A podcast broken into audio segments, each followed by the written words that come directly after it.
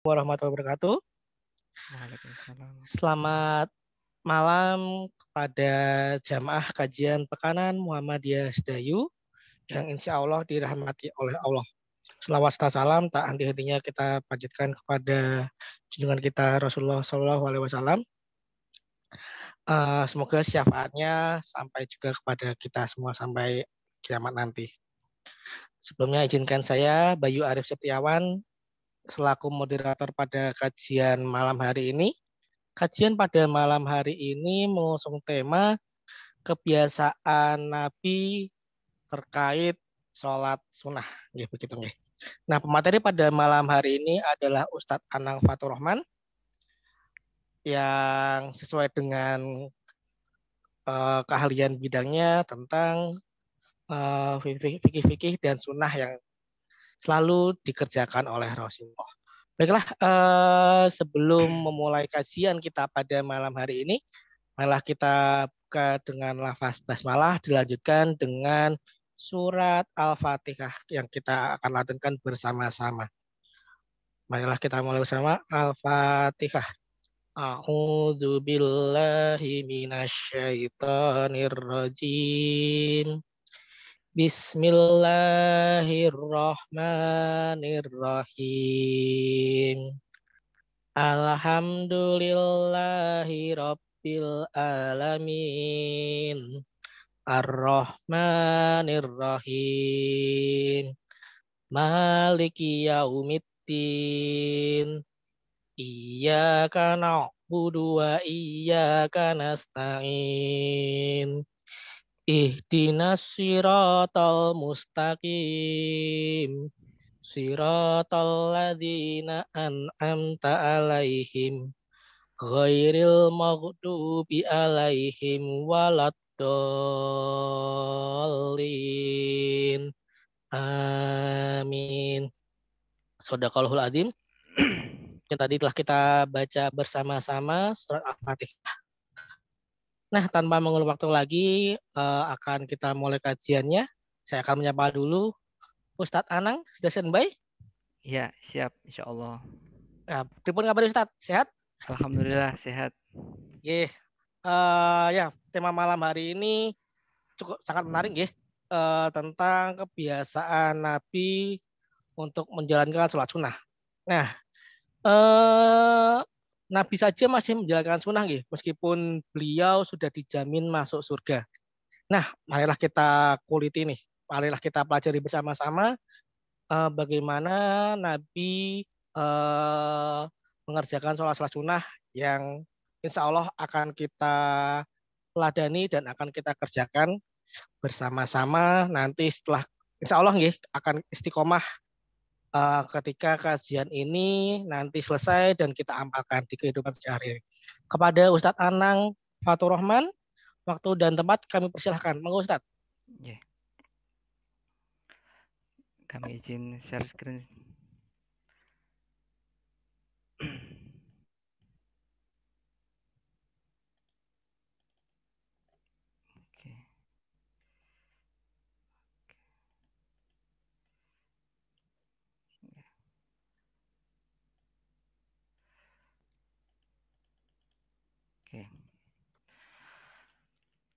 Assalamualaikum warahmatullahi wabarakatuh. Waalaikumsalam warahmatullahi wabarakatuh. Alhamdulillahilladzi hadana lil ilam wa ikhtara lana khairal anam Muhammadin alaihi salatu wassalam. Subhanaka la ilma lana illa ma 'allamtana innaka antal alimul hakim. Allahumma ya muallima Adam wa Ibrahim allimna wa ya mufhima Sulaiman fahimna. Allahumma alimna bima yanfa'una wanfa'na bima 'allamtana wa zidna ilman. Allahumma rzuqna fahman nabiyyin wa hifdhan mursalin wa ilhaman malaikatal muqarrabin. Amin amma ba'd. Yang kami hormati jajaran pimpinan cabang Muhammadiyah Sedayu maupun pimpinan cabang Aisyah Sedayu dan keluarga besar Muhammadiyah Sedayu, Bapak Ibu di mana pun berada, kepada guru-guru kami, sahabat-sahabat kami yang berkenan rawuh menghadiri majelis virtual ini. Meskipun saya yakin malam Jumat itu banyak pengajian, malam Jumat banyak kegiatan, tetapi menyempatkan untuk sama-sama rawuh untuk kita belajar bersama pada kesempatan malam hari ini. Mudah-mudahan Allah Subhanahu wa taala memberikan keberkahan di dalam waktu yang singkat ini. Bapak Ibu yang kami hormati rahimani wa rahimakumullah. Sesuai tema yang akan kita pelajari bersama pada kesempatan malam hari ini yaitu tentang melanjutkan tentang 165 kebiasaan baginda Nabi Muhammad Shallallahu Alaihi Wasallam. Kebiasaan yang pertama sampai yang kelima di kesempatan bulan lalu sudah kita pelajari dan insya Allah ini kita akan melanjutkan kebiasaan yang keenam sampai yang ke sepuluh insya Allah. Mudah-mudahan Allah beri kita umur panjang, Allah beri kita kesempatan untuk bisa menyelesaikan paling tidak nih 165 kebiasaan Nabi Muhammad Shallallahu Alaihi Wasallam. Namun sebelum itu Bapak Ibu kami mohon izin uh, sekedar kita menyelingi karena banyaknya pertanyaan yang masuk kepada nomor kami yang berkaitan dengan bulan Rojab. Seperti yang Bapak Ibu ketahui bahwa kita sudah memasuki penghujung akhir dari bulan Jumadil Akhirah. Hari ini tadi tanggal 29 Jumadil Akhirah maghrib terus kemudian besok itu sudah masuk tanggal 30 Jumadil Akhirah. Artinya satu hari atau dua hari lagi kita akan masuk di bulan Rojab. Seperti yang sudah beredar viral di media sosial, banyak sekali broadcast-broadcast tulisan-tulisan, anjuran-anjuran yang untuk mengajak umat Islam untuk berpuasa tertentu di bulan Rojab, melakukan ibadah-ibadah tertentu di bulan Rojab, tentu ini menjadi perhatian kita agar kaum muslimin khususnya warga Muhammadiyah memiliki kemantapan agar warga Muhammadiyah punya sikap di dalam melihat tema-tema yang diusung tersebut. Sebelum kita membahas tentang broadcast-broadcast yang isinya tentang puasa-puasa khusus di bulan Rojab, kita perlu mengenal bersama bahwa memang bulan Rojab itu merupakan bulan yang dimuliakan oleh Allah. Dasarnya Surat At-Taubah ayat yang ke-36. Inna iddata syuhuri indallah isna asyara syahrun fi kitabillah. Nah, sesungguhnya bilangan bulan setiap tahun itu di dalam perhitungan Allah Subhanahu wa taala itu ada 12 bulan. Ini sudah ditetapkan oleh Allah yauma khalaqas samawati wal ard sejak diciptakannya langit dan bumi. Tapi dari 12 bulan itu minha arba'atun hurum. Dari 12 bulan itu ada empat bulan yang dimuliakan oleh Allah atau ashurul hurum. bulan-bulan yang diharamkan, bulan-bulan yang dimuliakan. Dzalikad dinul qayyim. Itulah agama yang lurus. Maka pesan Allah ketika kita mendapati atau berada pada bulan-bulan yang empat tadi itu fala tadlimu fihinna anfusakum. Maka janganlah kalian berbuat zalim di empat bulan tersebut dan seterusnya. Ini artinya bukan berarti kalau kita berbuat zalim di luar bulan yang empat tadi diperbolehkan, bukan. Tetap kapan pun, di mana pun kezaliman itu sesuatu yang dilarang di dalam agama kita. Tetapi penyebutan yang diutamakan empat hal di sini diulangi lagi penyebutan pelarangannya menunjukkan tentang kesungguhan ataupun ada rambu-rambu tertentu yang harus kita perhatikan ketika berada di empat bulan ini. Nah, apa saja empat bulan yang dimasukkan oleh Allah dalam surat At-Taubah ini, ini kita bisa melihat tafsirnya di dari hadis Abu Bakroh bahwasanya dari 12 bulan itu empat bulan yang dimuliakan oleh Allah. Apa saja bulan itu dari hadis Bukhari ini? Kata Rasulullah, minha arba'atun hurum. Ada empat bulan yang dimuliakan salah satu mutawaliyatun. Ada tiga bulan yang berurutan. Yaitu Qa'dah, bulan ke-11, wa Hijjah, kemudian bulan yang ke-12 Hijjah, wal Muharram dan bulan ke-1. Jadi karena hanya 12 bulan jadi urut 11, 12, 1 dan seterusnya. Tapi yang berurutan itu 11, 12, dan 1. Dhul Qa'dah, Dhul Hijjah, dan Muharram. Kemudian yang keempat, wa Rojab. Yang keempat adalah bulan Rojab. Rojab mudor yang bercahaya, kemudian dia terpisah, terhimpit, alladzi baina Jumadai wa Sya'ban. Antara Jumadil Akhirah dengan Sya'ban.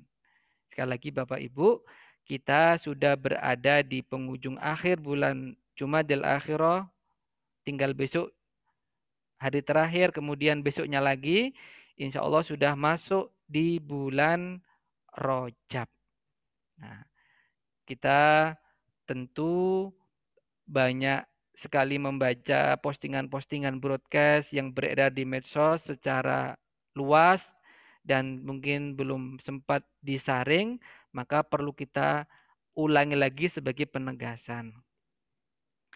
Nah, tadi perintah Allah adalah fala tadlimu fihina anfusakum. Jangan berbuat kezaliman pada empat bulan tersebut.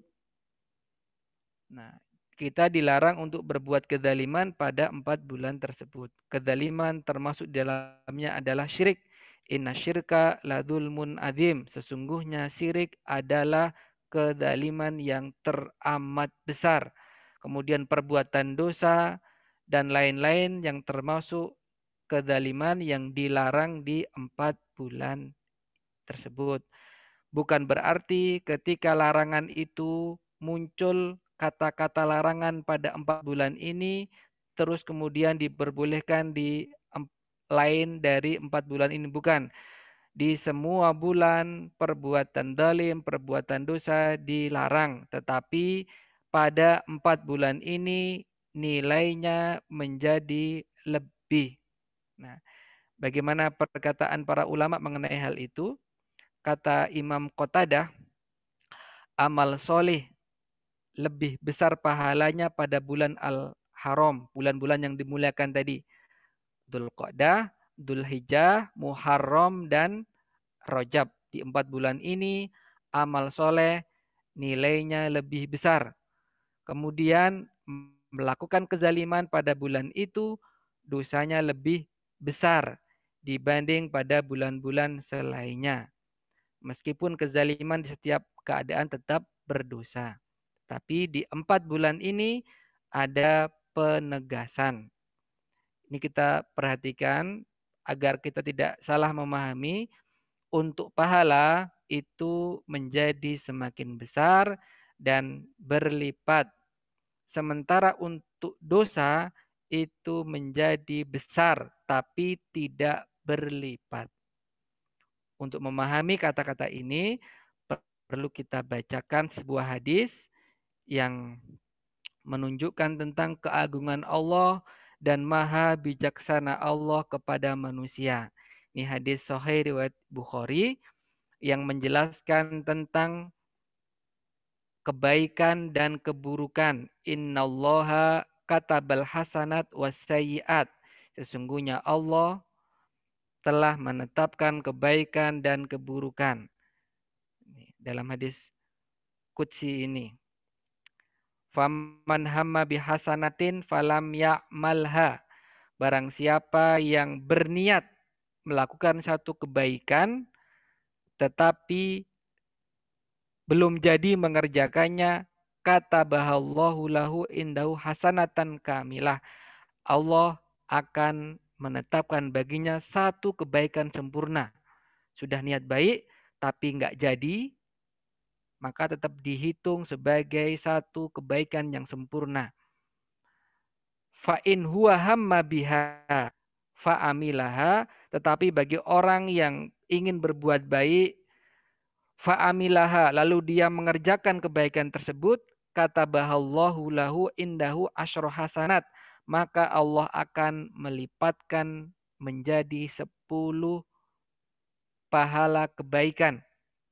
Ila sab'i mi'ati dhi'fin sampai 700 kali lipat ila ad'afin kasiroh sampai yang tidak terhingga. Jadi ada istilahnya pahala tanpa batas. Orang yang berbuat baik, berniat baik, nggak jadi mengerjakan, tetap dihitung satu kebaikan. Makanya banyak-banyaklah punya niat baik. Kemudian apabila dia jadi mengerjakan, maka akan dilipatkan menjadi sepuluh pahala kebaikan bahkan 700 dan bahkan tidak terhingga. Jadi contohnya ada orang-orang yang diberi pahala tanpa batas. Innama yuwaffas sabiruna ajrohum bighairi hisab. Sesungguhnya Allah akan memberikan pahala kepada orang-orang yang sabar tanpa batas. Nih, kalau analogi yang mudah kita sebagai misalkan kita bekerja karyawan ataupun apa, kita mendapatkan gaji tanpa batas. Berarti sangat besar sekali nilainya. Kalau ini lebih daripada itu yaitu pahala yang tanpa batas. Tetapi kata Allah dalam hadis qudsi ini, "Waman hamma bisayyi'atin." Barang siapa yang menginginkan atau berniat akan melakukan satu keburukan, falam ya'malha. Tapi nggak jadi dia mengerjakan keburukan itu, kata bahallahu indahu hasanatan kamilah. Dia mendapatkan pahala satu kebaikan sempurna. Pahalanya kenapa? Karena dia telah menang melawan hawa nafsunya.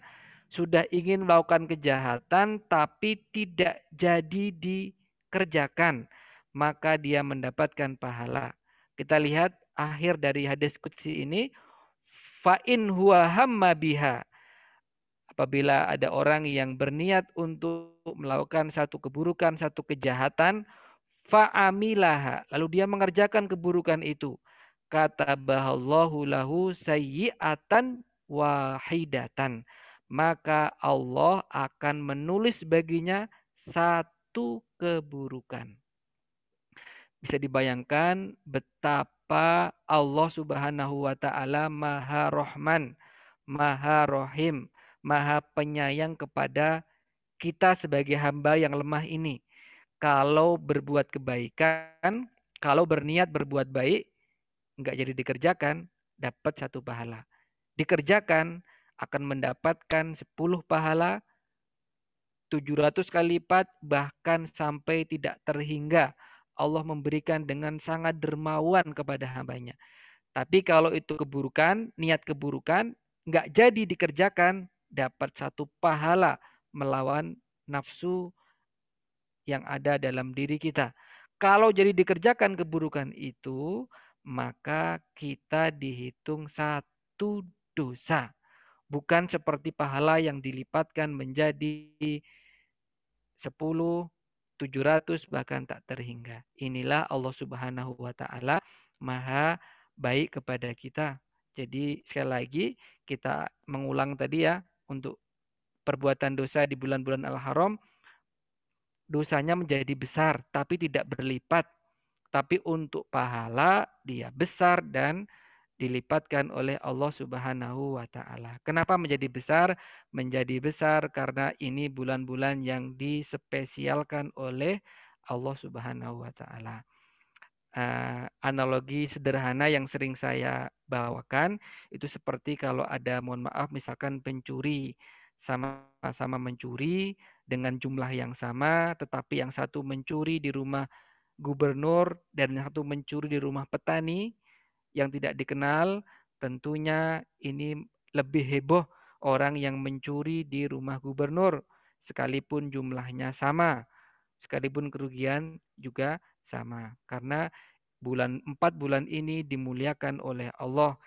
Jika kita melakukan keburukan di empat bulan ini, maka kita bukan hanya menciderai kemuliaan ini, tetapi menciderai zat agung yang telah memuliakannya yaitu Allah Subhanahu wa taala.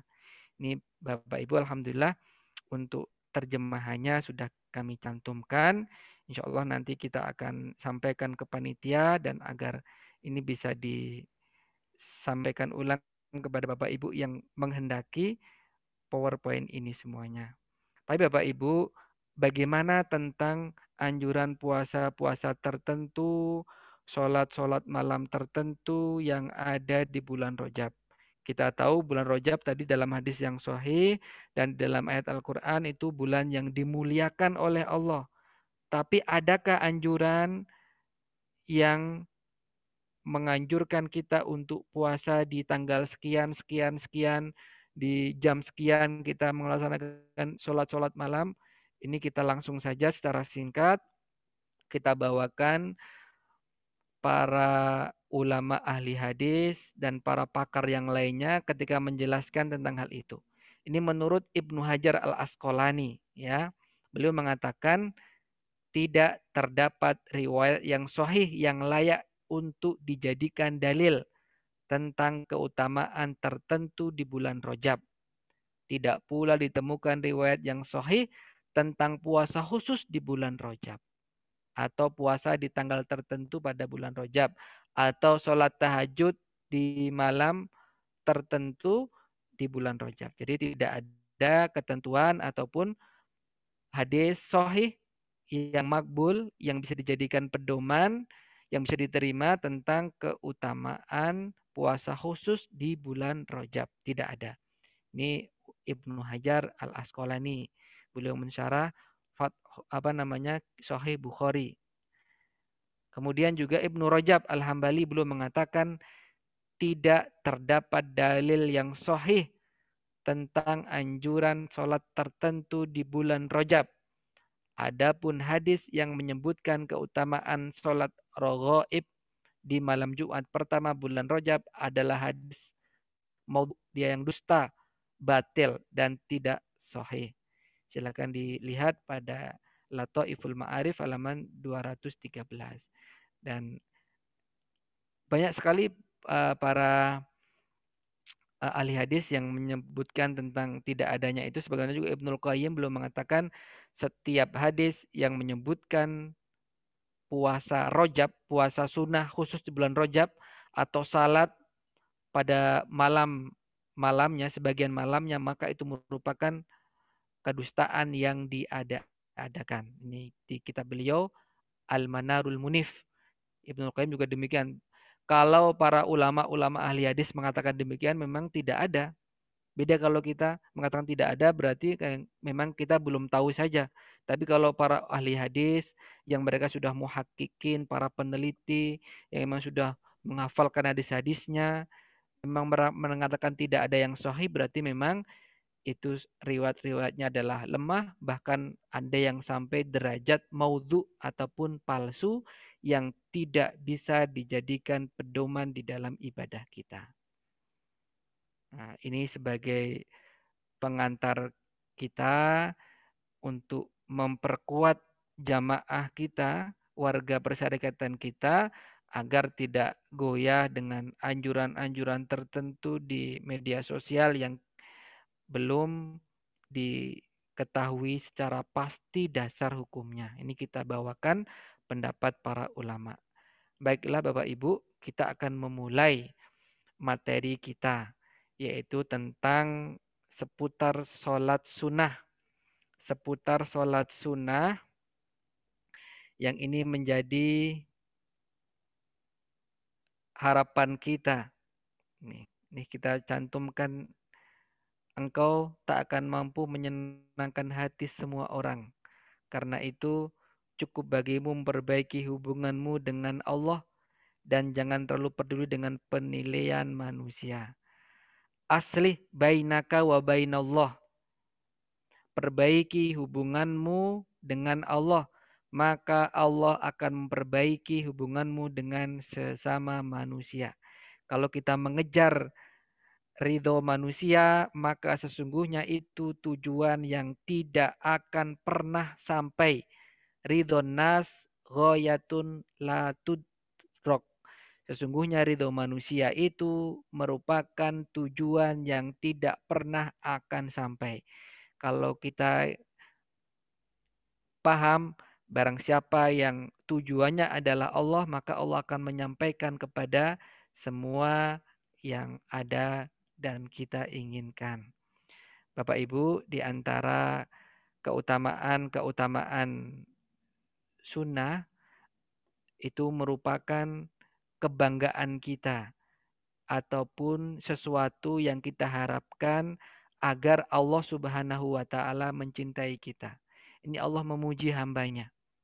Wa ma yazalu abdi yataqarrabu ilayya bin nawafil hatta uhibbah hambaku senantiasa terus-menerus mendekatkan diri kepadaku, ya taqarrabu ilayya, bertakarub kepadaku bin nawafil dengan ibadah-ibadah nafilah, dengan ibadah-ibadah sunnah hatta uhibbah sampai aku mencintainya. Jadi bisa kita katakan bahwa mengamalkan amalan-amalan sunnah itu adalah salah satu usaha kita agar mendapatkan kasih sayang dan dicintai oleh Allah. Jangan sampai kita salah niat. Banyak Bapak Ibu di antara mungkin tetangga-tetangga kita, saudara-saudara kita, mereka kepleset sedikit ya beramal dengan amalan akhirat tetapi motivasinya motivasi dunia saya puasa sunnah biar enteng jodohnya saya pengen menghatamkan Al-Quran setiap bulan agar sukses karirnya. Saya ingin sodakoh agar bisa mendapatkan apa namanya ini itu ini itu.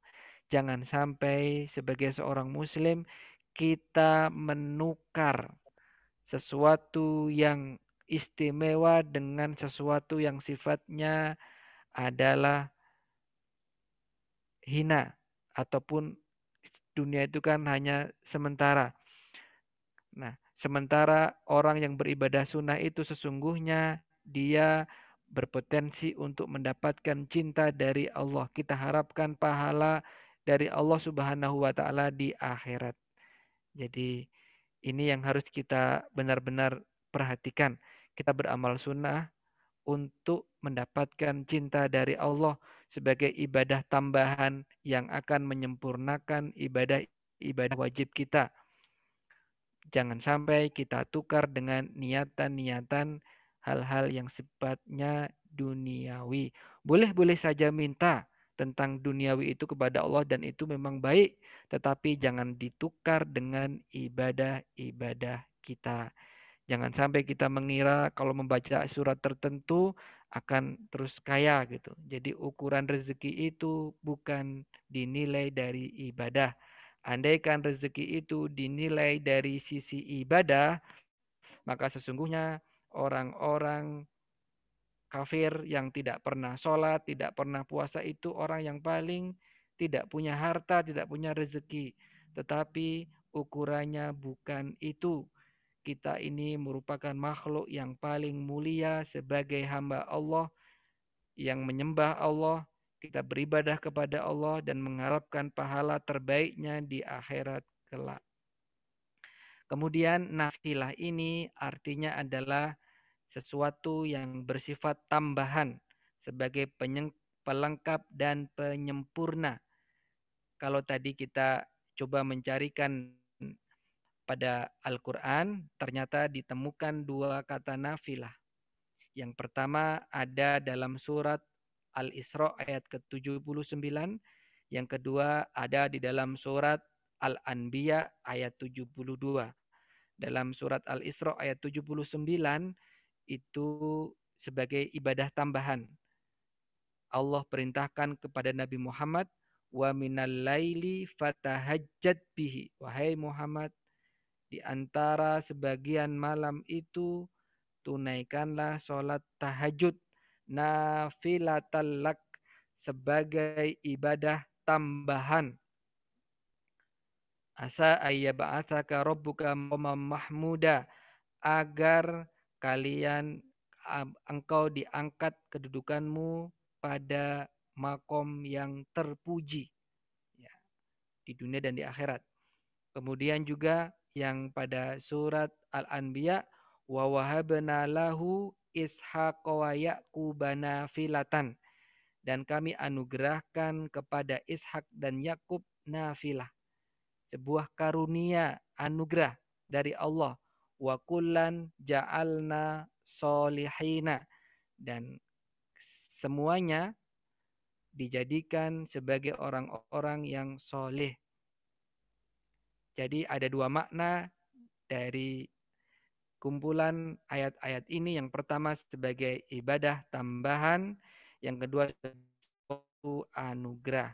Bisa juga dipahami bahwa sesungguhnya ibadah sunnah yang bisa kita kerjakan itu merupakan anugerah yang sangat indah yang Allah berikan kepada kita.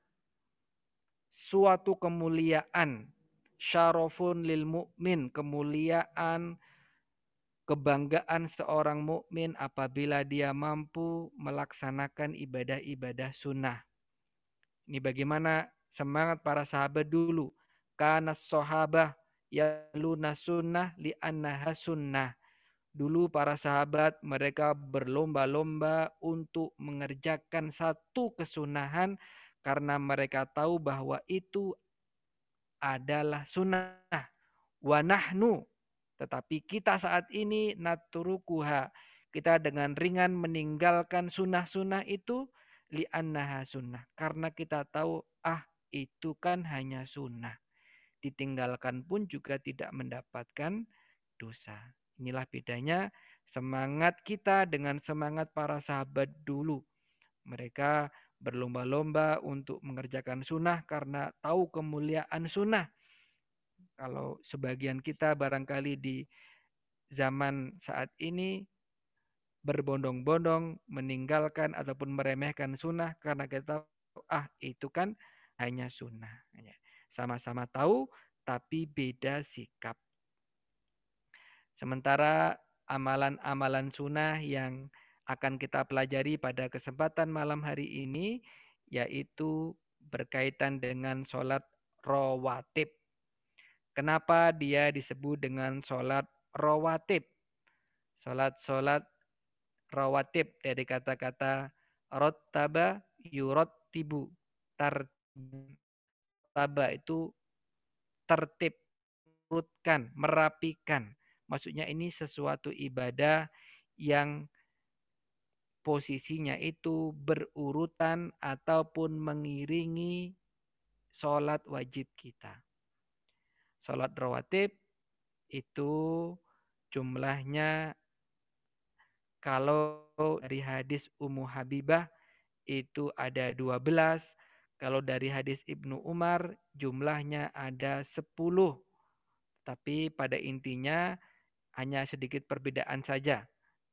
Jadi ada 12 rokaat sholat rawatib. Ma min abdin muslim yusolli lillahi kulla yaumin sintai asyrota rok'atan tatawu'an. Barang tidaklah setiap hamba, setiap muslim yang melakukan sholat karena Allah, dalam sehari dia menambah 12 rokaat tatawu'an, sholat sunnah, ghaira faridotin, selain ibadah sholat fardu illa banallahu lahu baitan fil jannah. Melainkan Allah akan membangunkan baginya rumah di surga. 12 rakaat itu nanti akan kita pelajari. Kalau yang 10 rakaat dalam hadis Ibnu Umar itu bedanya adalah qobliyah duhur saja. Qobliyah duhur ada yang dua, ada yang empat. Selebihnya nanti hitungannya sama semua.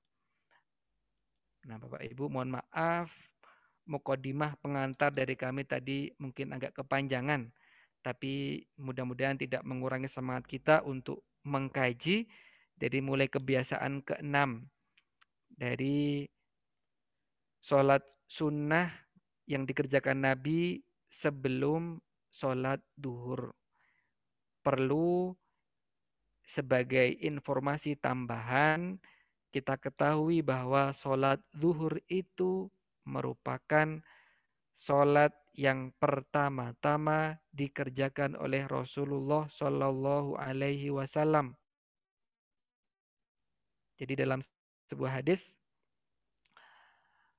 dari ini dalam sebuah riwayat dari Al Hasan beliau mengatakan kanat awalu sholatin sholaha Rasulullah Shallallahu Alaihi Wasallam ad-duhr Sholat yang pertama kali dikerjakan oleh Rasulullah Shallallahu Alaihi Wasallam adalah sholat duhur. Karenanya nanti kalau kita mempelajari fokus di bidang fikih, kita akan dapati para ulama ahli fikih itu biasanya ketika mengurutkan ibadah-ibadah tentang sholat, yang pertama itu urutannya itu duhur dulu duhur dulu, baru asar, baru maghrib, baru isya, baru subuh. Kenapa? Karena dari sisi yang pertama kali dikerjakan oleh Rasulullah Shallallahu Alaihi Wasallam. Jadi ibadah sholat yang pertama dikerjakan Nabi adalah sholat duhur di depan Ka'bah ya, setelah perintah Isra Mi'raj itu. Bapak Ibu, ini ada riwayat tambahan, tapi ini riwayat ini Israeliat hanya dijadikan sebagai tambahan referensi untuk memperkaya data kita saja. Jadi memang ibadah sholat dan ibadah puasa itu merupakan ibadah-ibadah yang sudah sangat tua umurnya. Jadi dalam kitab Al-Awail disebutkan satu riwayat Israiliyat yang itu sebagai memperlengkap kita, tidak ada kaitan dengan ibadah khusus ya. Jadi orang yang pertama kali melaksanakan sholat subuh adalah Nabi Adam alaihi salam. Setelah diampuni oleh Allah, kemudian beliau bersyukur dan melaksanakan sholat dua rakaat. Rakaat pertama karena telah dibebaskan dari gelapnya malam. Rokaat yang kedua karena bersyukur akan datangnya hari yang mulai terang. Kemudian juga disebutkan bahwa orang yang melakukan sholat duhur pertama kali adalah Nabiullah Ibrahim alaihi salam. Beliau bersyukur kepada Allah setelah korban yang seharusnya putranya Ismail diganti oleh Allah wa fadainahu bidzibhin adzim. Allah ganti dengan domba yang besar. Tapi kemudian Nabi Ibrahim sholat di siang hari sebanyak empat rakaat sebagai syukurnya kepada Allah Subhanahu wa taala. Di riwayat ini juga disebutkan bahwa orang yang pertama kali melaksanakan sholat asar adalah Nabiullah Yunus alaihi salam. Dia bersyukur kepada Allah telah dikeluarkan dari empat kegelapan. Sehingganya ia melaksanakan sholat empat rakaat di waktu asar. Diselamatkan dari kegelapan telah meninggalkan umatnya. Diselamatkan dari kegelapan dasar laut diselamatkan dari kegelapan malam hari karena sudah bermalam-malam lama sekali berada dalam perut ikan. Dan yang keempat diselamatkan dari dalam oh, perut ikan. ikan nun. Ya. ya. Kemudian orang yang pertama kali melaksanakan sholat maghrib adalah Nabi Isa alaihi salam karena diselamatkan dari kebodohan dan kejahilan umatnya. Kemudian yang pertama kali melaksanakan sholat Isa adalah Nabi Musa. Ini semua dari Israeliat yang bisa dibuka di kitab Al-Awail. Sebagai memperlengkap data saja, tapi bukan sebagai dasar pedoman. Yang kita pedomani bahwa yang pertama kali melaksanakan sholat eh, sholat yang pertama kali dikerjakan oleh Rasulullah Shallallahu Alaihi Wasallam adalah sholat duhur, sehingga dalam beberapa hadis disebutkan sholat duhur itu disebut dengan sholat ula, sholat yang pertama. Contohnya dalam hadis Tobroni ini, man sholat duha arbaan, barang siapa yang sholat duha sebanyak empat rakaat, wa qoblal ula arbaan. Dan sebelum sholat duhur, ini qoblal duhur arbaan, banallahu lahu baitan fil jannah Allah akan membangunkan rumah baginya rumah di surga. Ini hadis Tobroni dengan derajat yang hasan menurut penelitian Syekh Albani. Uh, kebiasaan yang keenam dari Rasulullah Shallallahu Alaihi Wasallam, beliau senantiasa melaksanakan sholat qobliyah duhur sebanyak empat rokaat.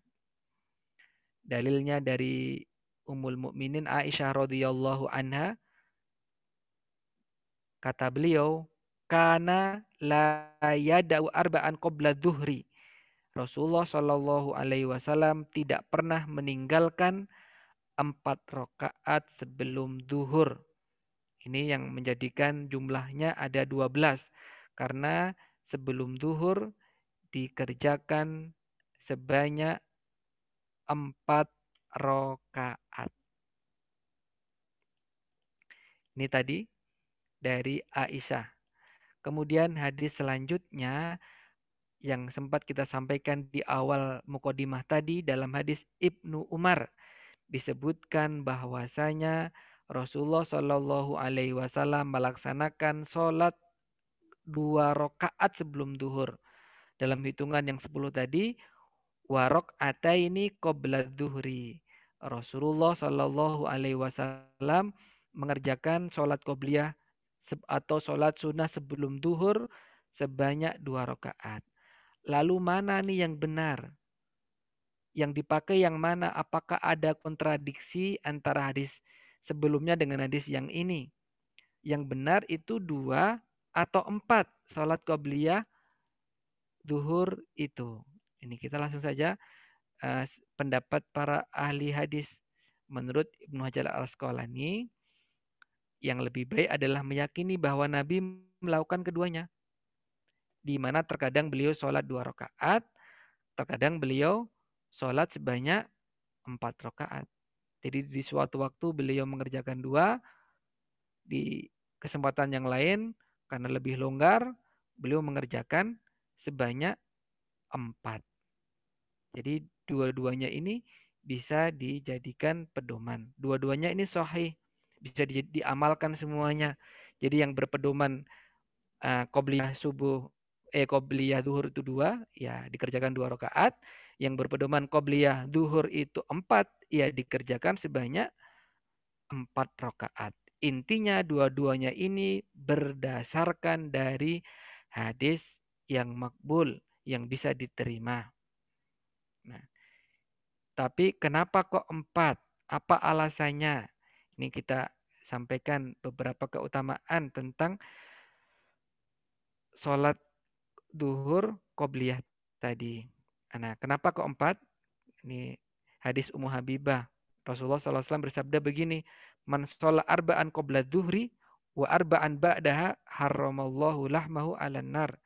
Barang siapa yang mengerjakan qobliyah duhur empat rakaat dan ba'diyah duhur juga empat rakaat, haramallahu ala nar.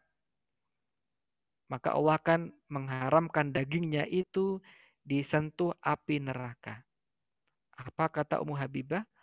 Fama tarok tuhuna mundu sami tuhuna. Maka saya tidak pernah meninggalkan amalan ini semenjak saya mendengarnya langsung dari Rasulullah Shallallahu Alaihi Wasallam. Bagaimana para sahabat itu benar-benar punya ilmu langsung diamalkan, bukan punya ilmu untuk dikumpulkan untuk di ah, saya ini orang alim, saya ini orang pandai, saya ini ahli hadis, saya ini ahli fikih, saya ini ahli bukan. Tapi ilmu itu untuk diamalkan seperti Ummu Habibah ini. Kata, kata beliau, semenjak saya mendapati ilmu ini, maka saya langsung mengerjakan dan tidak pernah meninggalkannya. Fama tarok tuhunna mundu sami tuhun. Jadi keutamaan pertama adalah sholat sebelum duhur sebanyak empat rakaat dan ba'da duhur sebanyak empat rakaat jika mampu itu Allah akan mengharamkan daging kita disentuh api neraka. Kemudian juga selanjutnya di antara keutamaan sholat empat rakaat sebelum duhur. Ini dari Abdullah bin Sa'ib, Rasulullah SAW bersabda, ya, dari Abdullah bin Sa'ib, beliau menceritakan, karena yusoli abaan ba'da antazula syams, qobla duhur. Rasulullah SAW mengerjakan sholat empat rakaat setelah tergelincir matahari. Sudah adan, sudah masuk waktu duhur, Kemudian sebelum melaksanakan sholat fardu, sholat duhur, belum mengerjakan sholat sunnah empat rakaat. Waqala, beliau bersabda, Innaha sa'atun tuftahu fiha abwabus sama. Sesungguhnya itu merupakan waktu di mana dibuka pintu-pintu langit. Wa uhibbu ayyas adali fiha amalun soleh dan saya suka jika pada saat itu amal solehku diangkat. Jadi sedang dalam kondisi sholat. Jadi pas kali ya dalam riwayat yang lain Rasulullah melaksanakan puasa Senin dan Kamis karena di hari Kamis itu merupakan waktu-waktu dibuka pintu langit dan Nabi sangat menginginkan ketika dibuka diangkat amalnya itu dalam kondisi berpuasa. Kalau dalam hadis ini, dalam hadis Sahih Tirmidzi ini, beliau sangat menginginkan ketika diangkat di waktu-waktu tersebut dalam kondisi melaksanakan ibadah sholat. Inilah kebiasaan Nabi di buku ini yang keenam, yaitu beliau membiasakan sholat qobliyah zuhur sholat qobliyah duhur baik dua rakaat maupun empat rakaat. Jika dalam kondisi lapang bisa dikerjakan empat rakaat. Jika dalam kondisi sempit ataupun kesibukan tertentu maka bisa dikerjakan dua rakaat. Lalu apa kebiasaan baginda Nabi Shallallahu Alaihi Wasallam yang ketujuh? Yang ketujuh kebiasaan beliau adalah mengganti empat rakaat setelah zuhur jika tidak sempat sholat sebelumnya. Ini di beberapa masjid kita dapati antara waktu azan dengan komat itu sangat cepat sekali. Jadi Mungkin ketika adzan dia sudah berwudu di rumah, kemudian ketika sampai masjid tiba-tiba sudah komat karena waktunya cepat sekali. Bayangkan begitu. Nah, kalau nggak sempat, ini bisa ini jadi solusi. Jadi Nabi itu jika melakukan sesuatu, beliau terbiasa untuk mengerjakan dengan istiqomah. Andaikan beliau terhalangi untuk mengerjakan karena suatu hal, maka beliau menggantinya di waktu yang lain. Contohnya adalah kebiasaan beliau mengerjakan empat rakaat sebelum duhur. Karena mungkin karena ada tamu negara atau kesibukan-kesibukan jihad dan lain sebagainya, beliau menggantinya yaitu di waktu setelah duhur. Kata Aisyah, karena idalam yusoli arba'an qabla duhri sallahunna ba'dahu. Kalau Nabi Shallallahu Alaihi Wasallam tidak sempat mengerjakan sholat empat rakaat sebelum duhur, maka beliau mengganti setelah sholat duhur. Jadi ada ba'diyah, kemudian tambah lagi untuk mengganti qobliyah. Jadi boleh kita menunaikan qobliyah di setelah sholat ba'diyah kita. Ini penjelasan para ulama Apabila beliau berhalangan mengerjakan sebelum duhur, maka beliau menggantinya setelah duhur. Adapun ba'diyah duhur nih. Adapun sholat ba'diyah duhur. Sekiranya beliau berhalangan, maka baginda Nabi Muhammad Shallallahu Alaihi Wasallam akan mengerjakannya setelah sholat asar. Jadi kalau Bapak Ibu mendapati satu riwayat bahwasanya Nabi Shallallahu Alaihi Wasallam sholat setelah asar dalam hadis yang sahih itu bukan berarti ada sholat setelah asar, bukan, tapi itu sebagai kodok ataupun pengganti dari ibadah rutin yang beliau pegangi. Jadi kalau sudah rutin mengerjakan ba'diyah duhur sampai tiba-tiba karena ada halangan tertentu yang menjadikan beliau tidak bisa mengerjakan, maka beliau mengerjakannya di waktu setelah asar. Mudah-mudahan ini sebagai salah satu bentuk solusi saja, bukan jadi kebiasaan kita. Jadi hanya jadikan satu jalan keluar jika kita memang mengalami kondisi seperti itu. Karena barang siapa yang menjaga tadi 12 rokaat sholat selain sholat fardu, Allah akan melakukan istana di surga. Kita menjaga 12 itu jangan sampai ketinggalan kodarullahnya tadi ada tamu tiba-tiba sampai komat kita belum sampai sholat qobliyah. Bagaimana solusinya? Solusinya dikerjakan setelah kita melaksanakan sholat duhur ataupun sholat ba'diyah duhur.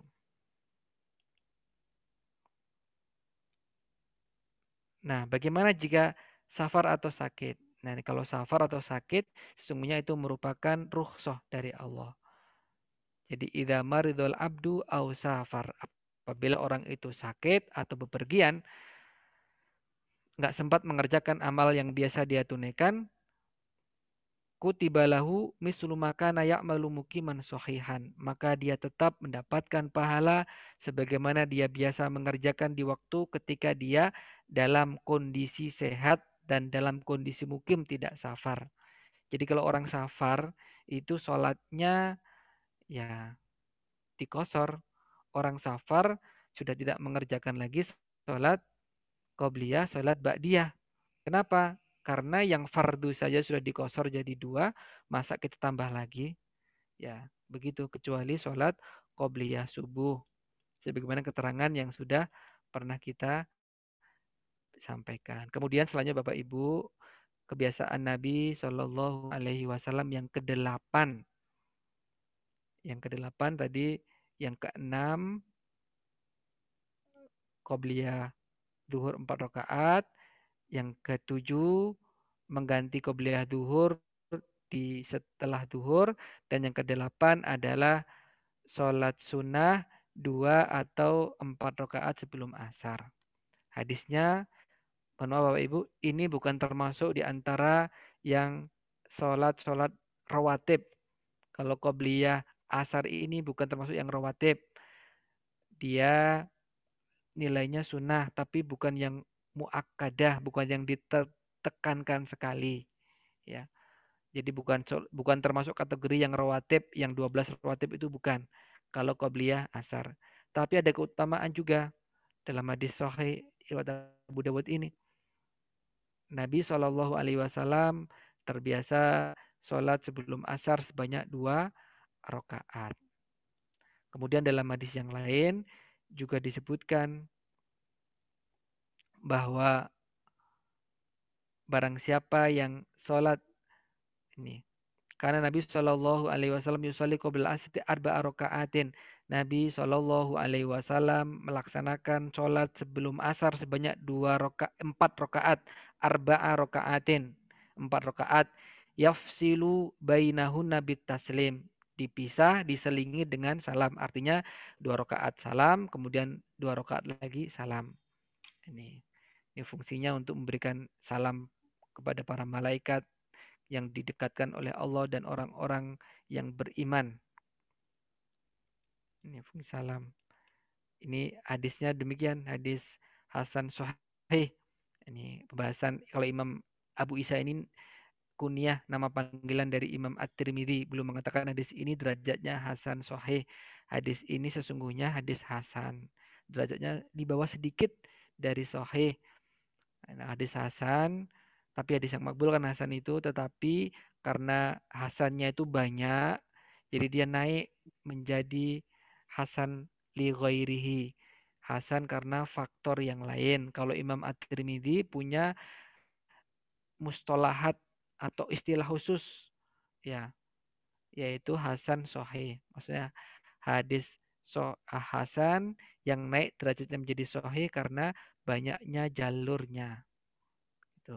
Kemudian hadis yang lain ini dari Ibnu Umar, Nabi bersabda, rahimallahu mro'an sholla qoblal asri arba'an. Semoga Allah merahmati, semoga Allah menyayangi orang yang sholat empat rakaat sebelum asar. Ini kalau kita mengharapkan rahmat Allah, coba kita kejar ini amalan ini. Orang ini kalau sudah mendapatkan rahmat Allah, selesai urusan. Ya, dunia kita nggak kesampaian, nggak masalah. Orang itu kalau sudah dirahmati oleh Allah, diampuni dosanya sudah selesai. Orang yang paling susah kan, faman zuhziha anin nar. Orang yang dijauhkan, diselamatkan dari neraka. Wa udkhilal jannah dan nanti akhirnya dimasukkan ke surga faqad faz maka dia orang yang beruntung orang yang sukses tuh itu maka mari kita kejar Bapak Ibu ini kalau kita sempat punya waktu mari kita tunaikan ini ini kenapa kita nggak rindu ini rahimallahu mro'an sholla qoblal asri arba'an mudah-mudahan Allah merahmati mudah-mudahan Allah menyayangi orang yang mengerjakan sholat empat rakaat, dua rakaat salam, dua rakaat salam sebelum sholat asar. Hadis ini derajatnya Hasan Gharib. Hadis ini hadis Hasan, derajatnya di bawah sedikit. Kapan-kapan kita singgung lah, tapi nanti takutnya kepanjangan kalau kita membahas ilmu hadis juga. Dia dia Gharib, ada hadis yang Gharib, ada yang Aziz, ada yang Masyhur. Nih, yang satu jalur, kalau Aziz dua jalur, riwayatannya ada yang masyhur tiga jalur, kemudian kalau yang sembilan sampai tak terhingga mutawatir. Nanti kita akan banyak membahas hadis itu. Hadis ahad kategorinya hadis ahad. Tapi di sini so Hasan artinya di sini makbul bisa diamalkan, bisa diterima untuk jadikan pedoman dalam beramal.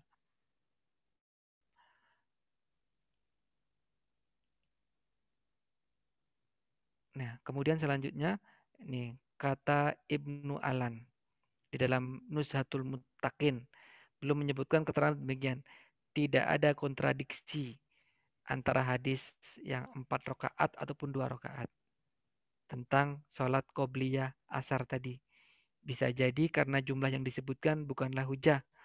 Atau bisa jadi karena Nabi semula biasa mengerjakan dua rakaat, lalu beliau tambah menjadi empat rakaat. Ataupun sebaliknya, beliau biasa mengerjakan empat rakaat, namun jika ada suatu keperluan, ada halangan tertentu, beliau mengerjakan menjadi dua rakaat. Jadi kalau bisa ditunaikan empat, maka lebih mulia.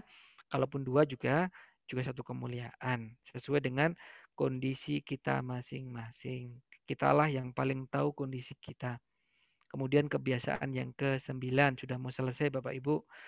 Yang ke-9 kebiasaan Rasulullah Shallallahu alaihi wasallam adalah sholat sunnah dua rakaat sudah maghrib. Nah, kalau ini memang termasuk di antara 12 sholat rawatib. Fayusalli ini fayusalli bina Nabi sholat maghrib sebanyak dua rakaat dalam hadis riwayat Muslim itu. Jadi Nabi Shallallahu Alaihi Wasallam beliau mengerjakan sholat ba'diyah maghrib itu sebanyak dua rakaat. Rakaat pertama setelah Al-Fatihah membaca Al-Kafirun. Rakaat yang kedua setelah Al-Fatihah membaca Al-Ikhlas. Sama seperti bacaan yang disunahkan dalam sholat Qobliyah subuh. Inilah kebiasaan kesembilan dari baginda Nabi Shallallahu Alaihi Wasallam. Kemudian yang terakhir, Bapak Ibu, ini kita sudah mohon maaf sudah lewat ya jamnya. Kita percepat ya. Sudah jam 9 lebih. Ini sudah melewati batas waktu kita. Yang terakhir Bapak Ibu, yang ke-10 kebiasaan Nabi Shallallahu alaihi wasallam adalah sholat sunnah setelah Isya Hadis yang pertama, Nabi melaksanakan sholat sunnah sebanyak dua rakaat. Kalau kita buka di uh, kitab-kitab fikih para ulama, misalkan uh, Said Sabik dalam fikih sunnahnya dan para ulama yang lain menyebutkan hadis-hadis ini tentang Nabi Shallallahu Alaihi Wasallam mengerjakan sholat setelah isya sebanyak dua rakaat. Adapun hadis-hadis yang menyebutkan tentang Nabi mengerjakan empat rakaat ataupun anjuran-anjuran tertentu itu kebanyakan riwayatnya lemah. Tapi ada satu asar. Ini perkataan Abdullah ibnu Mas'ud. Nih, secara sanatnya jayid ini baik dan tersambung dia. Ini barang siapa man ba'dal isya la ya man arba'an ba'dal isya Barang siapa yang mengerjakan sholat empat rakaat setelah isya, layaf silu bainahun nabi taslim. Tidak memisah di antara empat tadi itu dengan salam di tengah-tengah. Maksudnya langsung empat sekali baru salam di akhir.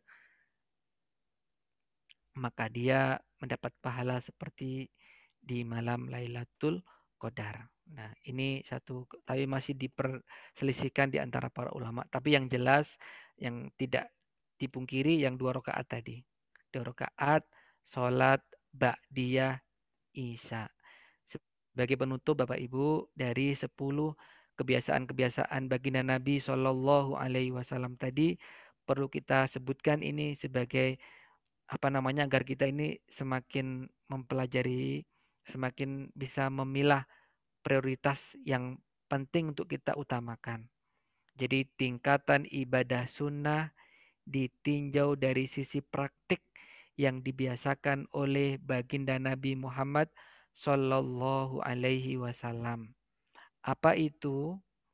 Jadi yang pertama yang tidak pernah ditinggalkan Nabi. Baik ketika beliau mukim maupun safar. Baik saat beliau dalam kondisi tidak bepergian, apalagi bepergian. Apa saja itu? Di antara contohnya adalah puasa bid. Puasa tiga hari tiap bulan itu meskipun safar, Nabi tetap mengerjakan. Coba. Kemudian qobliyah subuh. Qobliyah subuh juga tetap dikerjakan oleh Rasulullah Shallallahu alaihi wasallam. Witir. Salat lail. Ini yang tidak pernah dikerjakan. Maka kalau Bapak Ibu nanti apa namanya dimudahkan oleh Allah atau sudah yang pernah berangkat haji kan di Mina itu kan suasananya longgar. Tapi kenapa kok anjurannya di KBIH Aisyah tidak ada anjuran tuntunan untuk melaksanakan qobliyah dan ba'diyah. Padahal kan waktunya cuma di situ saja dan nggak ngapa-ngapain, cuma lempar jumroh dan banyaknya makan, tikir di situ saja tidur. Ya itulah karena kita berusaha mencontoh Nabi. Jadi yang tidak pernah ditinggalkan Nabi kan termasuk safar itu.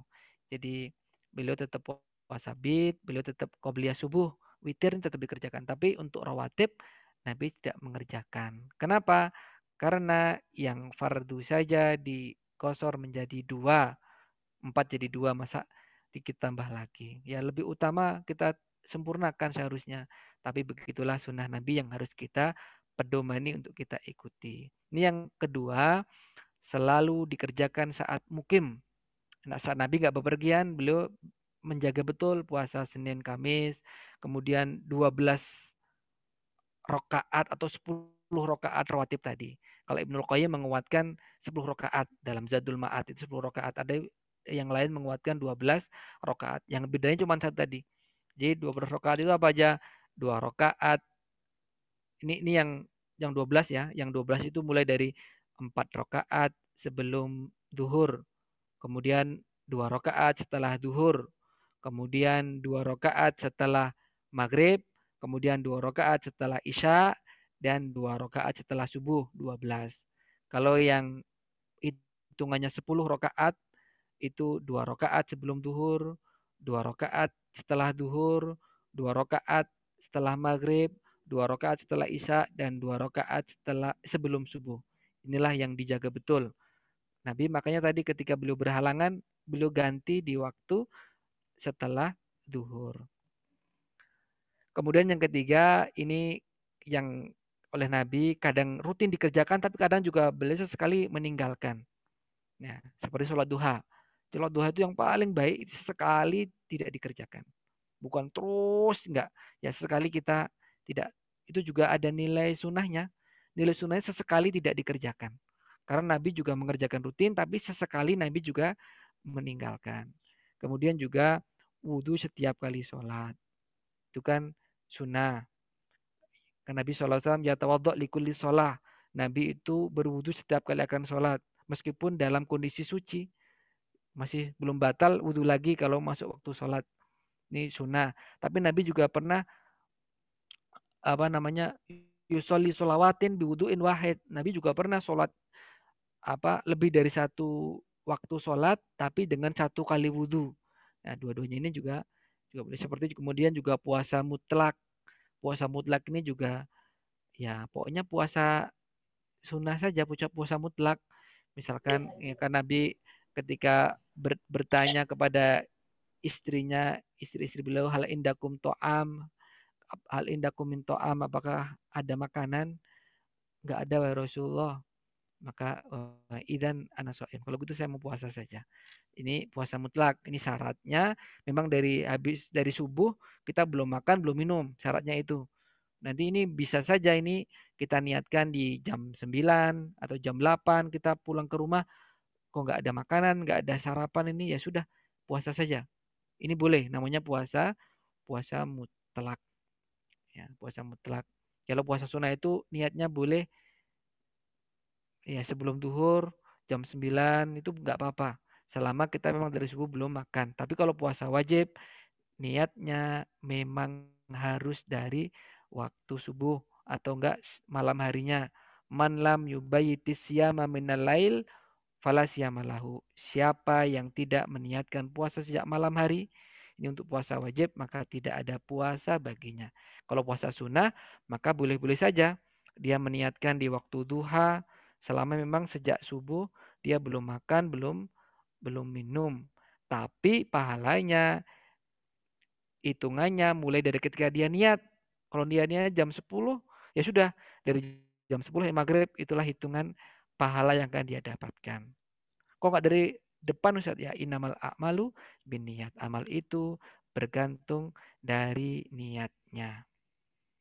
Tapi ini keringanan untuk puasa sunnah boleh dikerjakan. Ini kami ambil dari kitab Tajridul Ittiba fi Bayan Asbab Tafadul Al-A'mal.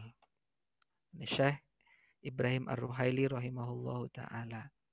Ini sedikit tambahan lagi Bapak Ibu, sedikit sekali sebagai tambahan. Ini sebagai ibadah-ibadah sunnah itu begini, apa namanya kaidahnya agar kita semakin bisa memahami. Ada satu kaidah begini, maka na aksaru fi'lan kana aksaru fadlan. Semakin banyak yang kita kerjakan, maka dia akan semakin banyak keutamaannya. Ya. Kenapa iba, eh, puasa Daud itu lebih utama dari puasa Senin Kamis? Ya karena memang dari sisi jumlahnya lebih lebih banyak. Ya semakin banyak maka semakin baik.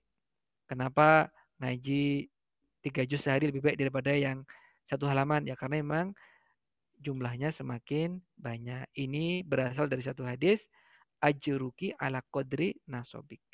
Sesungguhnya pahalamu itu bergantung dengan jerih payah usaha yang sudah kamu kerjakan. Semakin banyak, maka semakin akan baik yang dia peroleh. Tapi sekali lagi Bapak Ibu, kaidah yang pertama ini kita sebutkan bukan sebagai tolak ukur yang mutlak. Ada laisa alal itlak. Tidak tidak mesti harus banyak.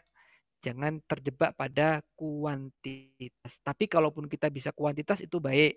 Tapi maksudnya ya jangan sampai terjebak hanya banyaknya saja. Tapi kaidah yang kedua ini juga harus kita lihat yaitu kualitas amal bukan sekedar kuantitas tapi kualitasnya. Dalilnya nih alladzi khalaqal mauta wal hayata liyabluwakum ayyukum ahsanu amala. Jadi Allah ciptakan kematian, kehidupan itu untuk menguji kita siapa di antara kita, siapa di antara kalian yang paling baik amalnya. Ahsanu amala. Menurut Fudel bin Iyad, ahsanu amala itu adalah amal yang paling benar dan paling ikhlas. Bukan yang paling banyak ternyata, tapi yang paling benar. Paling benar itu maksudnya sesuai dengan tuntunan, sesuai dengan petunjuk Nabi. Karena orang paling paham dengan agama ini adalah Rasulullah Shallallahu Alaihi Wasallam. Kalau kita mengikuti petunjuknya, maka kita insya Allah berada pada kebenaran. Kemudian yang kedua juga yang paling ikhlas. Innal amala idza kana khalisan walam yakun sawaban lam yukbal amal itu kalau ikhlas, tapi ikhlas nih saya ya Allah saya ikhlas saya mengerjakan sholat walam yakun sawaban tapi nggak benar tidak sesuai dengan tuntuan maka dia nggak diterima. Saya ikhlas nih sholat isya enam rakaat iyalah. Pokoknya ikhlas karena Allah tidak karena yang lain. Tapi tidak sesuai dengan tuntunan maka dia tidak terima begitu pula sebaliknya wa ingkana sawaban meskipun dia itu benar sesuai dengan tuntunan Nabi sholat subuh dua rakaat Walam yakun khalisan, tapi dia tidak ikhlas. Ada motivasi lain, ada niatan-niatan lain bukan karena Allah, falam yukbal. Ini juga tidak diterima. Jadi yang paling baik itu adalah amalan yang paling sesuai dengan tuntunan petunjuk Nabi. Kemudian juga yang kedua harus dilandasi dengan keikhlasan. Dan di antara kaidah berikutnya adalah yang paling baik amalan itu adalah yang dikerjakan dengan berkesinambungan kontinu istiqomah. Ingat, yang memasukkan kita ke surga itu bukan banyaknya amal kita. Ya. Ketahuilah bahwasanya la yad la yudkhila ahadukum amaluhu al jannah. Amal kita itu kalau kita hitung nggak bisa lah untuk memasukkan kita ke surga karena ya satu nikmat yang kita terima dibanding dengan ibadah kita yang banyak itu masih berat nikmat yang Allah berikan. Misalkan nikmat penglihatan saja. Nah, kata Rasulullah wa anna ahabbal a'mal adwamuha. Sementara amalan yang paling dicintai oleh Allah adalah yang paling konsisten wa in meskipun itu hanya sedikit ya. Alhamdulillah alamin ala nabiyina Muhammad uh, nasrun minallahi wa fathun qarib wa basyiril mu'minin. Wassalamualaikum warahmatullahi wabarakatuh. Waalaikumsalam warahmatullahi wabarakatuh. Terima kasih Ustadz atas materi yang sangat luar biasa disampaikan pada malam hari ini. Ya, uh, selama kajian tadi berlangsung sudah ada satu pertanyaan Ustadz. Oke, kurang lebih begini dari Bapak atau Ibu Adin ya. Ustadz, bagaimana hukumnya sholat sunnah qobliyah sebelum sholat Jumat? Gitu Ustadz pertanyaannya. Oke, bagi rekan-rekan yang mau bertanya silahkan bisa memberikan kode atau mencatat di chat ya. Saya ulangi Ustadz pertanyaannya. Bagaimana hukumnya sholat sunnah qobliyah sebelum sholat Jumat?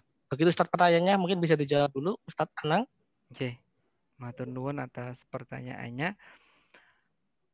Salat qobliyah adalah salat yang dikerjakan setelah adzan dan sebelum iqomah. Kami kami ulangi lagi. Salat qobliyah adalah sholat yang dikerjakan waktunya setelah adzan, artinya setelah mulai masuk waktunya itu sampai dengan sebelum ikomah atau sebelum didirikan sholat wajib. Nah, untuk Jumat karena adzannya itu adalah ketika akan mulai khutbah ya, ya assalamualaikum kemudian adzan maka tidak ada sholat qobliyah Jumat. Kami ulangi lagi, tidak ada sholat qobliyah Jumat. Yang ada apa? Yang ada adalah sholat tahiyatul masjid saja.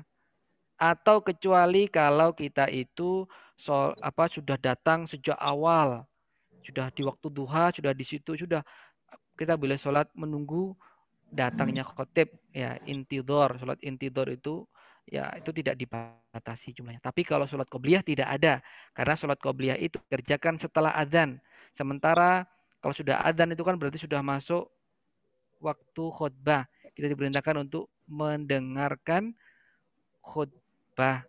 Sehingga kalau kita masuk kok sudah adzan, itu sebaiknya langsung sholat sunnah. Ya, jangan menunggu jangan menunggu selesai adzan khusus untuk sholat Jumat. Kenapa kok harus langsung sholat tidak menunggu selesai adzan dulu? Ya kalau dalam kondisi sholat duhur, tunggu selesai adzan, dapat keutamaan menjawab adzan, dapat keutamaan sholat qobliyah. Tapi kalau Jumat, nanti ada prioritas yang harus kita utamakan, yaitu kita tunaikan segera sholat sholat tahiyatul masjid agar nanti segera kita mendengar khutbah yang merupakan rukun dari ibadah sholat Jumat kita. Adapun ba'diyah, nah, adapun ba'diyah Jumat ada. Kalau qobliyah nggak ada, tapi kalau ba'diyah Jumat ada. Biasanya yang dikerjakan Nabi, beliau mengerjakan dua rakaat jika di rumah, beliau mengerjakan empat rakaat jika di masjid. Jadi bias biasanya boleh-boleh saja dua rakaat, tapi yang biasa dikerjakan Nabi kalau untuk untuk sholat ba'diyah Jumat adalah dua rakaat itu jika di rumah, empat rakaat itu jika dikerjakan di masjid. Ya, wallahu alam bisawab. Okay. Baik Ustadz, ini ada pertanyaan Pak Syahrir mungkin ya nanti ya. Pak Syahrir mungkin akan melalui pertanyaan langsung, berbicara langsung. Nah, saya akan bacakan dulu pertanyaan dari Ibu Bekti Kristiani. Pertanyaannya adalah, Bagaimana bila ada orang yang puasa Senin Kamis, Daud Yaumul Bid dan puasa Neton juga?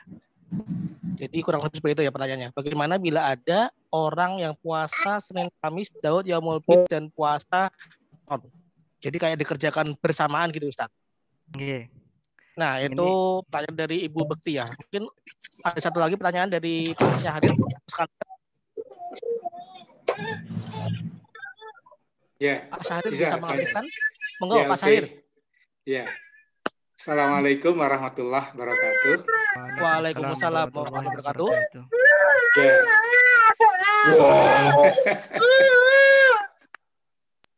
ya, uh, pertanyaan saya yang pertama, hmm. ini kan di musim hujan ini kan kita sering ya salat maghrib terus hujan lalu kita jamak dengan isya. Nah, pertanyaannya apakah ada sholat uh, sunnah rawatib ba'diyah kalau kita menjamak sholat maghrib isya itu. Kalaupun ada, kira-kira niatnya sholat sunnah ba'diyah maghrib apa sholat sunnah rawatib isya. Nah, itu, itu, itu niatnya. Kalau ada. Tapi ada apa tidak? Itu pertanyaan yang pertama. Kemudian yang kedua, ini kan ada istilah apa namanya sunnah ghairu muakkadah sama sunnah muakkadah. Maksud yang ghairu muakkadah itu apakah Rasulullah pernah mengerjakan tapi tidak terus-menerus atau Rasulullah tidak pernah mengerjakan tapi boleh. Nah, itu yang maksud ghairu muakkadah itu sebenarnya yang yang mana? Nah, yang terakhir Ustaz tadi kan boleh kita melakukan sholat sunnah yang sering kita kerjakan, tapi tidak sempat kita kerjakan. Seperti umpamanya di duhur, sering kita kerjakan, tapi karena nggak sempat, lalu kita ngerjakannya setelah. Nah, berarti kalau setelah itu, apakah niat kita itu kita sebutkan ini sholat sunnah rawatib qobliyah. Nah, karena kita ngerjakannya setelah sholat duhur. Gitu. Terima kasih, Starana. Oke. Ada... Baik, mau dijawab dulu, Ustaz? Mungkin okay. dua. Ya, ini dua pertanyaan tapi empat pertanyaan, ya. Yang pertama dari Ibu Bekti yang tentang tadi tentang puasa Daud, kemudian puasa Senin Kamis, puasa Bid, puasa Weton ya. ya. Yang pertama puasa Weton, puasa di hari lahir itu bukan termasuk kesunahan. Memang Nabi Shallallahu Alaihi Wasallam beliau berpuasa di hari lahir beliau. Ya, kenapa beliau Senin? Karena daka yaumun wulitu itulah hari di mana aku dilahirkan. Kebetulan hari Senin itu hari di mana Nabi dilahirkan, hari Senin Nabi diangkat menjadi Nabi, kemudian bahkan ada yang meributkan beliau juga meninggal di hari Senin. Jadi hari Senin itu hari istimewa bagi Rasulullah Shallallahu Alaihi Wasallam beliau berpuasa. Jadi kalau kita ngikuti sunnahnya ya kita puasa di hari Senin itu, bukan kita puasa di hari lahir kita. Nih, ini mungkin tradisi Jawa ya. Jadi kalau tradisi Islam, kalau kita ingin memperhatikan hadis itu dan kita baca syarah dari para ahli hadis, tidak ada anjuran untuk kita melaksanakan puasa di hari lahir kita. Para sahabat tidak ada yang mengerjakan hal itu. Tabiin dan para ulama-ulama di kalangan salafus soleh juga tidak mengerjakan puasa di hari lahir mereka. Ya, jadi sunahnya itu bukan puasa di hari lahir kita, tapi puasa di ketika Rasulullah berpuasa di hari Senin di hari lahir beliau Shallallahu Alaihi Wasallam. Nah kemudian bagaimana tentang menjamak puasa-puasa sunnah tadi, puasa bid, puasa Senin Kamis, puasa Hud. Nah kalau bid sama Senin Kamis masih bisa, masih bisa digabung. Ya tasawwar, masih ada kalau Bapak Ibu ya memperhatikan di Masjid Nabawi, Masjidil Haram itu biasa kan uh, setiap puasa Senin Kamis dan setiap bid itu disediakan hidangan buka puasa. Jadi memang tidak ada kontradiksi. Imam Ahmad pun beliau sampai menjaga betul ini, menjaga betul puasa bid sama puasa Senin Kamis sampai beliau di penjara. Setelah keluar dari penjara beliau puasa terus. Nah, kalau untuk puasa Daud maka dia sungguhnya puasa yang paling tinggi tingkatan puasa sunnah. Maka tidak perlu ditambah-tambah lagi. Kata Nabi, wala tazid, jangan ditambah. Meskipun kita mampu. Meskipun kita mampu. Nah, sesungguhnya kalau orang sudah puasa Daud, itu sesungguhnya dia sudah mendapatkan pahala Senin Kamis, sudah mendapatkan pahala Bid. Kan sudah terlewati itu. Karena dia memang kalau puasa Daud itu kan syaratnya sehari berbuka, sehari berpuasa. Senin puasa, Selasa buka, Rabu puasa, Kamis berbuka. Meskipun Kamis ini keutamaan ini Mas. Masa saya nggak boleh puasa? Ya ini kalau kita ingin menjaga ritme puasa Daud ya sehari berbuka dan sehari berpuasa dan itu yang paling afdol afdolusiam ya puasa sunnah yang paling mulia adalah puasa Daud. Nah, sholat sunnah yang paling mulia adalah sholatnya Nabi Daud. Ya, maksudnya setengah malam sholat setengah malam digunakan untuk tidur. Jadi kalau jawaban kami sebatas yang kami ketahui tidak ada anjuran untuk menjamak semua jenis puasa. Kalau sudah puasa Daud maka sudah tidak dikerjakan yang lainnya. Insya Allah tetap dapat pahala Senin Kamis terdapat pahala bitnya. Tapi tidak usah dikerjakan lagi. Memang kadang-kadang kita tuh aduh nafsu ah. Ini syahwah khofiyahnya kita ingin wah kita mampu ini kita juga. Masa ini kemis eman-eman. Tapi kalau kita ingin memang Daud konsisten itu ya sudah sehari berbuka, sehari berpuasa. Kalau enggak ya sudah Senin Kamis yang rutin, bagus banget. Jangan jangan terjebak dengan jumlah ya, jangan terjebak dengan kuantitas ya, tapi kualitas. Nih Abu Hurairah sahabat yang paling ahli hadis itu kan. 5 3 7 4 hadisnya itu beliau puasanya apa? Puasa bid. tiga hari tiap bulan. Luar biasa. Kemudian beberapa sahabat yang lain juga betul itu. Jadi puasa bid yang ditunjukkan dengan baik itu sudah pahalanya sudah seperti puasa satu abad jika setiap bulan dia berpuasa. Nah, ini makanya kalau ibadah itu kita yang mampu kita kerjakan, kita istiqomahi. Kita tunaikan dengan istiqomah, jangan jangan terjebak dengan jumlah, jangan terjebak dengan jumlah, tapi berusahalah ikhlas mungkin, sebaik mungkin dan istiqomah dengan pilihan kita. Nah, kita terjebak dengan jumlah ya, jangan pakai hitungan matematika karena kita pasti kalah dengan nikmat Allah. Nah, ini untuk pertanyaan yang pertama. Kemudian yang kedua dari Ustadz Syahrir tadi berkaitan dengan uh, pertama sholat ini ya, sholat ketika dalam kondisi di jamak, mungkin karena maghrib isya hujan, jadi jamak mator jamak karena hujan. Terus kesempatan sholatnya di mana? Kesempatan sholatnya ini kita bukakan dalam pendapat Imam Nawawi dan para ulama yang lainnya. Tetap ada kesempatan untuk melaksanakan sholat qobliyah maghrib. Kapan sholat qobliyah maghrib? Sholat qobliyah maghribnya dikerjakan setelah sholat jamak isya. Jamak isya selesai, kita masih bisa mengerjakan sholat Ba'diyah maghrib. Niatan di hati kita ini untuk mengganti maghrib tadi. Kemudian setelahnya baru Ba'diyah isya. Kalau mau tambah witir juga sudah boleh. Meskipun kalau dihitung ini sebenarnya belum masuk waktu isya. Tapi karena sudah kita jamak, sudah terhukumi isya. Jadi kita sudah bisa mengerjakan Ba'diyah maghrib, kemudian Ba'diyah isya, sudah boleh kita mengerjakan sholat witir. Meskipun belum adan isya. Tapi karena tadi kita sudah mengerjakan sholat isya secara hukumnya.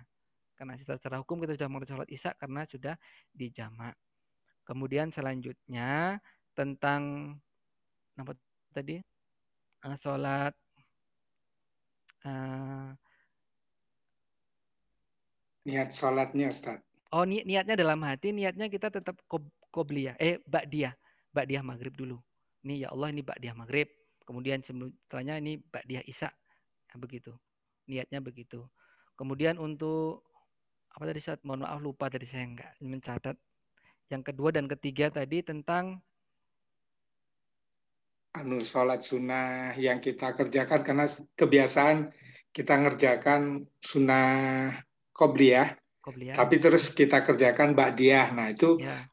niatnya itu disebutkan nggak niat Qobliyahnya ya, itu. Ya, niatnya dalam hati kita ya kita niatkan ini untuk mengganti mengganti qobliyah yang terlewatkan. Karena benar-benar ingin menjaga 10 rakaat selain yang fardu atau uh, eh, 12 rakaat selain yang fardu sesuai pilihan kita tadi.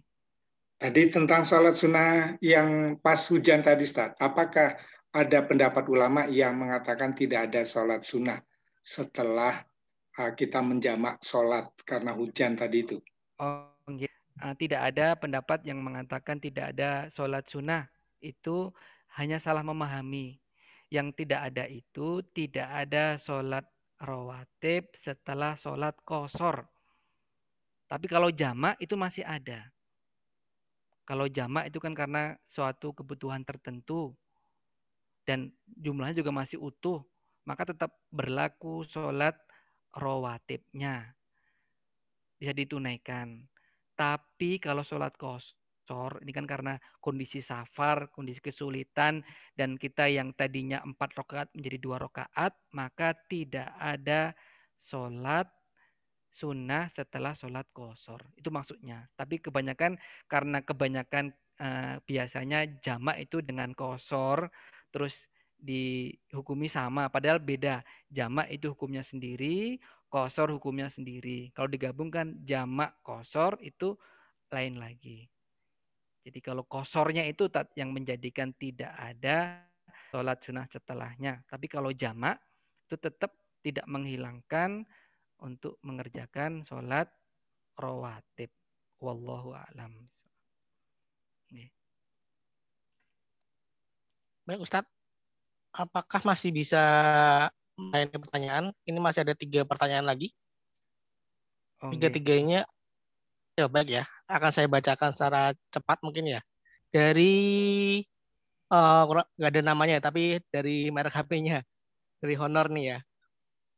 Bagaimana Ustadz jika sholat sudah dimulai, tapi berasa pengen buang gas atau kentut, sebaiknya menahan kentut atau membatalkan sholat? Ya. Sekali lagi, ini pertanyaan pertama. Bagaimana Ustadz jika sholat sudah dimulai, tapi berasa buang gas atau kentut atau halangan yang membatalkan sholat ya intinya ya? ya. apakah menahan uh, supaya tidak batal atau gimana baiknya. Ya. Lalu yang kedua ini dari dulu. Ustaz, bentar Ustaz. Oh, baik. Saya saya kurang bisa menangkap semuanya. Satu-satu. Oke, okay. baik satu-satu nggih. Baik, eh. tadi kalau untuk seperti dulu. ini ya la solata bihadrati to'am wala huwa yudafiul akhbasan. Tidak ada solat bagi orang yang hadir disediakan makanan saat itu atau menahan apa namanya dua hal yang keluar mau baik kentut maupun kencing dan lain sebagainya. Ini maksudnya tidak tidak utama, tapi ini dilihat kondisinya. Pertama, sesungguhnya kentut itu termasuk yang udur. Orang buang hajat karena belet, itu udur dia bisa meninggalkan jamaah. Tapi karena dia benar-benar ingin menjaga keutamaan apa namanya ingin mengejar tidak tertinggal takbiratul ihramnya imam selama 40 hari misalkan dalam hadis yang kuat itu, maka ini dilihat kondisinya.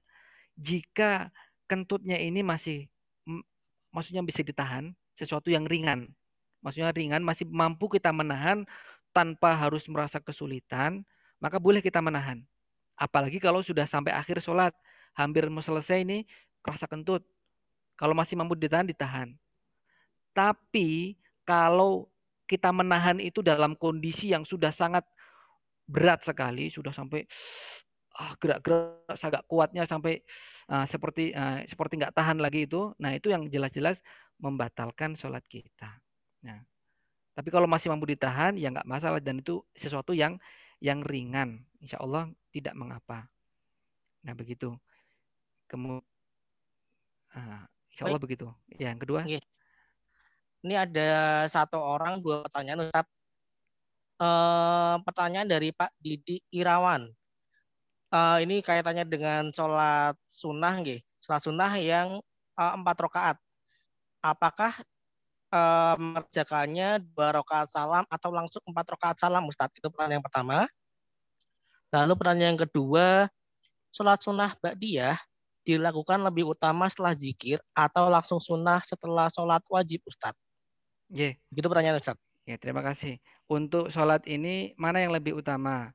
Yang lebih utama kalau dari kaedahnya maka aksaru fi'lan kana aksaru fadlan. Lebih banyak utamanya lebih banyak dikerjakan lebih banyak pahalanya. Kemudian yang lebih banyak apa namanya uh, solawatnya, tasahudnya juga lebih utama. Tapi ada beberapa keterangan seperti halnya tadi yang disebutkan sholat ba'da isya la yafsilu bainahunna taslim tidak dipisah. Jadi memang ada sunnah tertentu yang dikerjakan tidak dipisah. Jadi misalkan pada isya empat rakaat itu boleh dua rakaat, boleh langsung empat rakaat langsung salam atau boleh juga dua rakaat salam kemudian dua rakaat salam. Kalau kita melihat di teks hadisnya Nabi menyebutkan la yafsilu bainahu nabi taslim, tidak dipisah dengan salam untuk yang ba'diyah isya. Tapi untuk yang qobliyah duhur tadi, hadisnya menyebutkan yafsilu nabi taslim. Dari empat rakaat itu Nabi memisah dua rakaat salam, dua rakaat salam. Jadi jawaban saya yang lebih afdol untuk qobliyah duhur, dua rakaat salam, dua rakaat salam. Tapi untuk ba'diyah isya yang jika mengambil pendapat yang empat rakaat tadi, langsung satu kali salam sesuai dengan nas hadis yang ada. Kemudian pertanyaan terakhir tadi tentang apa tadi Ustaz Bayu? Uh, teknisnya Ustaz, tadi misalkan um, ada sholat yang dua, ada yang empat rakaat. Nah itu teknisnya, apakah uh, dua rakaat salam, dua rakaat salam, atau langsung empat sekaligus diakhiri salam? Begitu nah, Ustaz? Itu, itu yang pertanyaan kedua udah terjawab tadi. Yang ketiga, udah yang ya? ketiga. Ya. Yang ketiga, oke, ini pertanyaan terakhir berarti ya. Terakhir, okay. terakhirnya eh, tadi dari Pak Didik Jumadri, bagaimana jika dalam satu sholat sunnah itu niatnya bisa sekaligus misalnya uh, sholat sunnah tahiyatul masjid sekaligus sholat sunnah qobliyah misalnya. Nah itu boleh atau tidak Ustaz? Uh, dilihat dari jenis uh, hadisnya kan ida atal masjid tentang sholat misalkan sholat tahiyatul masjid itu lebih umum sifatnya sifatnya lebih umum. Misalkan apabila kita datang pada masjid, fala yajlis hatta jika kita masuk duduk sampai kita melaksanakan sholat sholat apa tahiyatul masjid atau sholat dua rakaat. Lafadznya bukan sholat tahiyatul masjid, tapi sholat dua rakaat. Maka sholat apa pun itu terhukumi sesungguhnya. Apalagi dalam kondisi kita ini sudah tidak ada pilihan ini. Ini waktunya cuma cukup untuk dua rakaat misalkan. Ini kalau kita tahiyatul masjid, nanti kita nggak dapat qobliyah subuh. Padahal qobliyah ini pahala besar banget. Kalau kita qobliyah subuh, terus tahiyatul masjidnya kapan? Nah, maka sesungguhnya ini sudah bisa include. Nah, kita niatkan saja yang paling utama. Maksudnya kita niatkan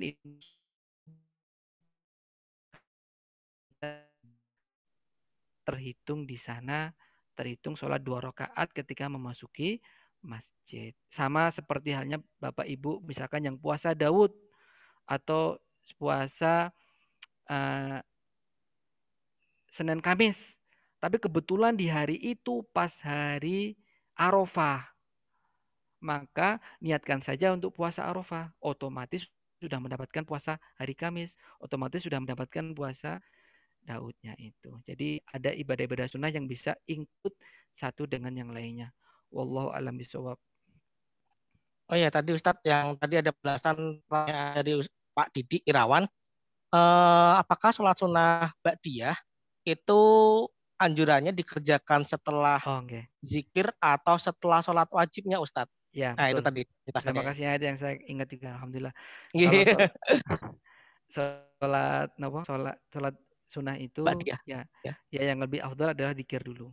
Karena memang tempatnya setelah sholat itu langsung dikir. Tapi boleh-boleh saja dalam kondisi tertentu wah, nanti keburu batal. Setelah selesai langsung sholat qobliyah nggak apa-apa dikirnya setelah itu. Jadi kalau mau berurutan ya setelah sholat waktunya kan yang terbaik tuntunannya berzikir dulu.